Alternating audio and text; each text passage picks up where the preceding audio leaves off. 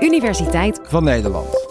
De techniek om het DNA te repareren, die is er nu en dat is echt revolutionair. En het zou echt mooi zijn als we met het repareren van DNA hele ernstige erfelijke ziektes zouden kunnen genezen. Dit is Mark van Meel, DNA-docent bij UMC Utrecht. En hij heeft het hier over een techniek die het DNA van zieke mensen kan repareren. DNA bepaalt je haarkleur, hoe sterk je nagels zijn, hoe makkelijk je lacht. Zie het als een soort handleiding voor hoe je bent opgebouwd.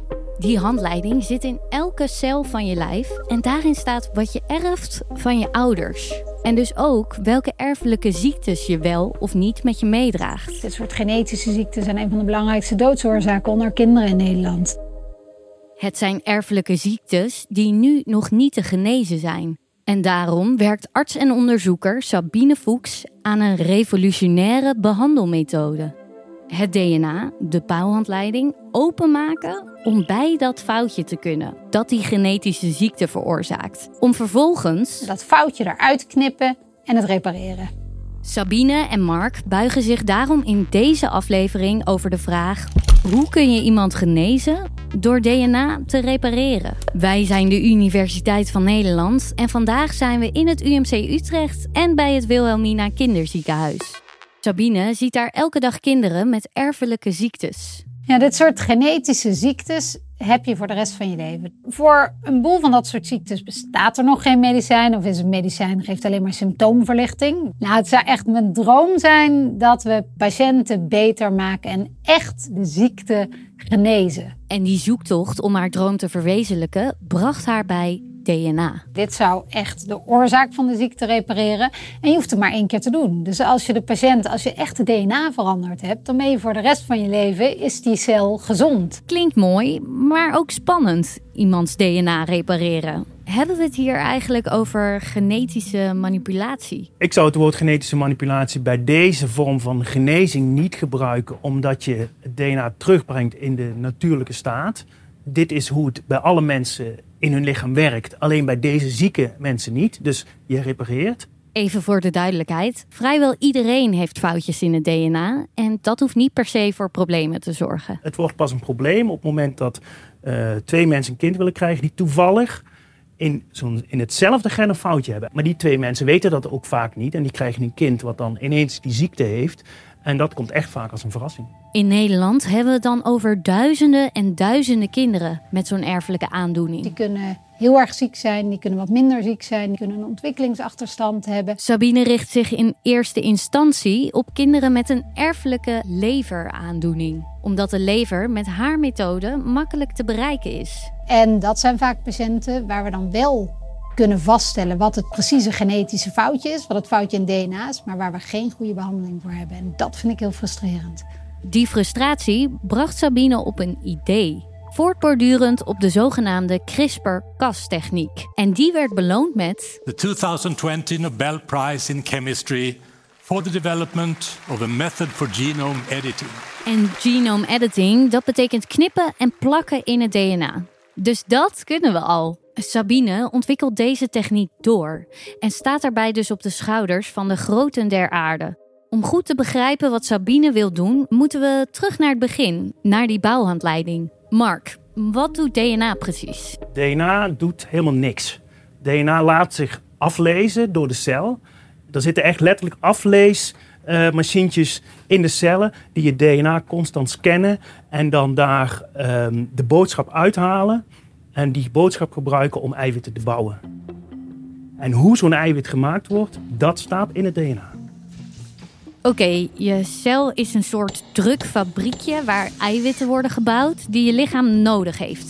En de cel leest in de bouwhandleiding, je DNA, hoe het die eiwitten moet maken. En even goed om te noemen, dat zijn dus niet de eiwitten die je uit je voeding haalt, maar eiwitten die flink aan de slag moeten in je cel. De een ruimt op, de ander is er om te communiceren met je andere cellen, de volgende zuivert je bloed. De eiwitten zijn eigenlijk de werkpaden van de cel. De kinderen die Sabine behandelt, die missen vaak zo'n eiwit of maken een verkeerd eiwit. Als een van die eiwitten die meehelpt om het bloed te zuiveren er gewoon niet is, dan hopen zich allerlei gifstoffen op en daar word je hartstikke ziek van. Dat eiwit ontbreekt dan omdat er een fout staat in die bouwhandleiding. in hun DNA. En dat is die erfelijke ziekte. Die fout wil Sabine herstellen en daar werkt ze aan met haar team in het lab. Daar repareren ze DNA-strengen. Dat doen ze met mini-mini gereedschap. Het lijken wel pennen en scharen. Dan kan het schaartje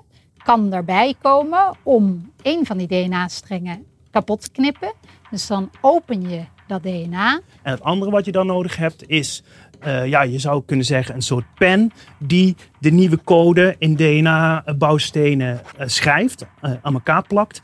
En daarmee het foute stuk vervangt door het goede stuk. Zie het als een soort klusteam dat ze op pad stuurt naar de cellen om het DNA te repareren. Naar de precieze ene plekje in dat DNA, naar dat ene lettertje wat fout is geschreven. Moet je je voorstellen, elke DNA-handleiding bestaat uit miljarden letters. En er hoeft er maar één verkeerd te zijn om zo'n vervelende erfelijke ziekte te hebben. Hoe weet dat klusteam welk ene lettertje in het DNA ze precies moeten hebben? Daar hebben wetenschappers iets op bedacht. Ze hebben ook een, een, een spiekbriefje bij zich waarop staat uh, een stukje van de code. De code van de lettertjes naast het foutje. En dat zijn ongeveer 20 letters daarnaast. En dat is uniek in het DNA. Dat spiekbriefje past gewoon nergens op geen andere manier de letters zijn letterlijk hetzelfde. Uh, en er wordt ook echt gescand dat, dat, dat het eigenlijk overal gaat proberen te passen. Dus die gaat al die 3 miljard letters na, totdat die, totdat die een match vindt, tot die hem past. Ja, weet je, kun je niet. Ik snap zelf niet dat dat kan, maar het gebeurt. Als precies dezelfde code van letters gevonden is, dan begint de reparatie. Dat spiekbriefje, dat is nog niet de DNA, dat is echt een spiekbriefje. En die klussers gebruiken dat om de bouwstenen van de cel zelf te gebruiken om het goede DNA te bouwen. Zie het spiekbriefje dus echt als een soort instructie voor hoe ze het nieuwe kloppende stukje DNA moeten bouwen. De grondstoffen, blokjes voor dat stuk DNA, zitten gewoon al in je eigen cellen. Die blokjes eigenlijk, die, die, die zijn ook los in de cel aanwezig. En uh, nou, die clusters die kunnen dus die blokjes één voor één aan elkaar schakelen. Ze dichten eigenlijk het gat dat ze zelf gecreëerd hebben. Oké, dus als de clusters met hun spiekbriefje in de levercel zijn, dan weten ze wat ze moeten doen. Maar hoe komen ze in die cel terecht?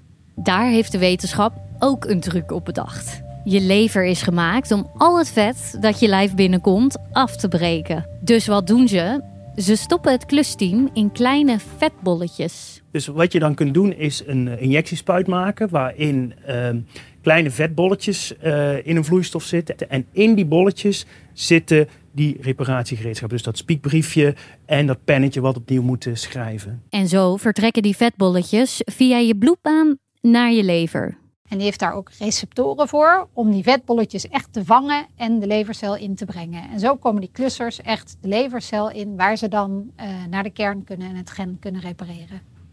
Zou je eigenlijk dus die vetbolletjes een beetje kunnen zien als de klusbus, de vervoerder van ja. uh, die clusters? Ja, vind ik een leuke term. De klusbus. Oké, okay, de klusbus. En als de reparatie helemaal voltooid is, dan ruimt je lichaam de bus en de klussers weer op. En wat ik het mooie daaraan vind, is dat vervolgens die klussers maar tijdelijk aanwezig zijn, want die worden daarna weer door het lichaam opgeruimd. En dan heb je dus echt het DNA in de cel helemaal gerepareerd. Dat betekent dat de patiënt een gezonde cel heeft. En als je er maar genoeg hebt in het orgaan wat de ziekte geeft, dan betekent het dat de patiënt ook beter wordt. Maar wat is genoeg? In hoeveel cellen moet ons klusteam het DNA repareren? Nou, voor erfelijke ziektes in de lever, daarvan weten we dat we maar een klein aantal van de cellen hoeven te repareren. We denken maar 5 tot 10 procent van de cellen dat dat al genoeg is om de patiënten te genezen. En dat maakt deze therapie ook echt haalbaar. En dat Sabine zo gelooft in deze behandeling, komt omdat ze het al heeft getest in mini-organen. Ze kweekt namelijk piepkleine levers van haar patiënten. Daarin testen of de reparatie werkt en die resultaten zijn veelbelovend. In het laboratorium lukt het nu echt heel goed om dat soort levercellen te behandelen. Dus de stap die we nu nog moeten nemen is het onderzoek doen in een diermodel. Dus dat zijn proeven waar we volgende week mee gaan beginnen. Super spannend. En dan komt het hele traject om dat dan weer te gaan ontwikkelen naar een behandeling bij een mens. Want daarvoor wil je weten, zeker weten dat het helemaal veilig is. Ook in de hele rest van het DNA, in de hele rest van het lichaam. Want ja, hoe voorkom je dat die klussers ook in andere cellen in de DNA-strengen gaan knippen en plakken? Ja, voor genetische ziektes, waarbij ehm, eigenlijk in al je cellen een foutje zit, ben ik niet eens zo bang dat die klusbus ook af en toe in een andere cel terechtkomt. Je, zou wel kunnen zeggen, wat nou als het in de geslachtscellen, dus in de aanmaak van eicellen of zaadcellen, ook die reparatie plaatsvindt. Je zou kunnen zeggen, is eigenlijk ook geen probleem, want nou, dan is het gerepareerd, kun je het ook niet doorgeven aan je kinderen. Maar we hebben ook in de wet vastgelegd dat je niet bewust uh, het DNA van geslachtscellen mag veranderen. Dat is eigenlijk vooral vanuit ethische oogpunt dat we denken van we willen de ziekte genezen, maar we willen niet de evolutie gaan beïnvloeden. Z'n allen vinden we dat toch wel zulke verstrekkende gevolgen dat je dat eigenlijk wil voorkomen. En daar moeten we, dat moeten we gewoon nog goed onderzoeken of je helemaal niet terechtkomt in de geslachtscellen. Als dat allemaal slaagt, dan hoopt ze de eerste patiënten te gaan behandelen. Dat zullen in eerste instantie patiënten met leverziektes zijn. Maar daarna wil ze deze methode ook toepassen op andere erfelijke ziektes. Ja, dus in feite kun je elke genetische ziekte kun je gaan behandelen. Wat het mooie aan deze behandelingen is, is dat de basis van de behandeling, dus teruggaan naar de klussers en de bus, die blijven hetzelfde. Het enige wat je moet veranderen is dat receptje, het spiekbriefje. Ehm, en als je het spiekbriefje verandert, dan kunnen die clusters doen hetzelfde werk. En uh, de bus is ook hetzelfde als je het naar de lever wil brengen. En als je het naar een ander orgaan wil hebben, dan moet je misschien een helikopter hebben of een ander, een ander voertuig. Um, maar in die analogie moet je denken. Dus de basis blijft hetzelfde voor al dat soort ziektes. Maar het spiekbriefje is voor elke, elke specifieke patiënt weer een beetje anders. De grote vraag is, wanneer kan ze de eerste mensen hiermee behandelen? Ja, dat vind ik lastig om te zeggen. Ik vind het ongelooflijk hoe snel alles is gegaan in de afgelopen tijd. Dus als je bedenkt wanneer die CRISPR-techniek, die techniek om in het DNA te knippen, voor het eerst bedacht is, hoe snel we al zijn bij een techniek die al bijna toepasbaar is bij de mens, is waanzinnig snel gegaan. Um, dus je merkt dat ik er een beetje omheen draai om een jaartal te noemen, want ik vind het lastig om dat in te schatten en ik wil ook geen valse beloftes uh, uh, creëren. Maar als ik zelf, ik ben, ik ben heel hoopvol en enthousiast en het kan mij niet snel genoeg gaan. En dan heb ik het nu over de lever. Die is, dat is het snelst. En voor andere organen die ik hoop ook allemaal te gaan behandelen in de toekomst, daar duurt het allemaal nog langer. Bedankt Sabine en Mark. We houden jullie bijzondere onderzoek in de gaten. Jij bedankt voor het kijken of luisteren. Tot de volgende!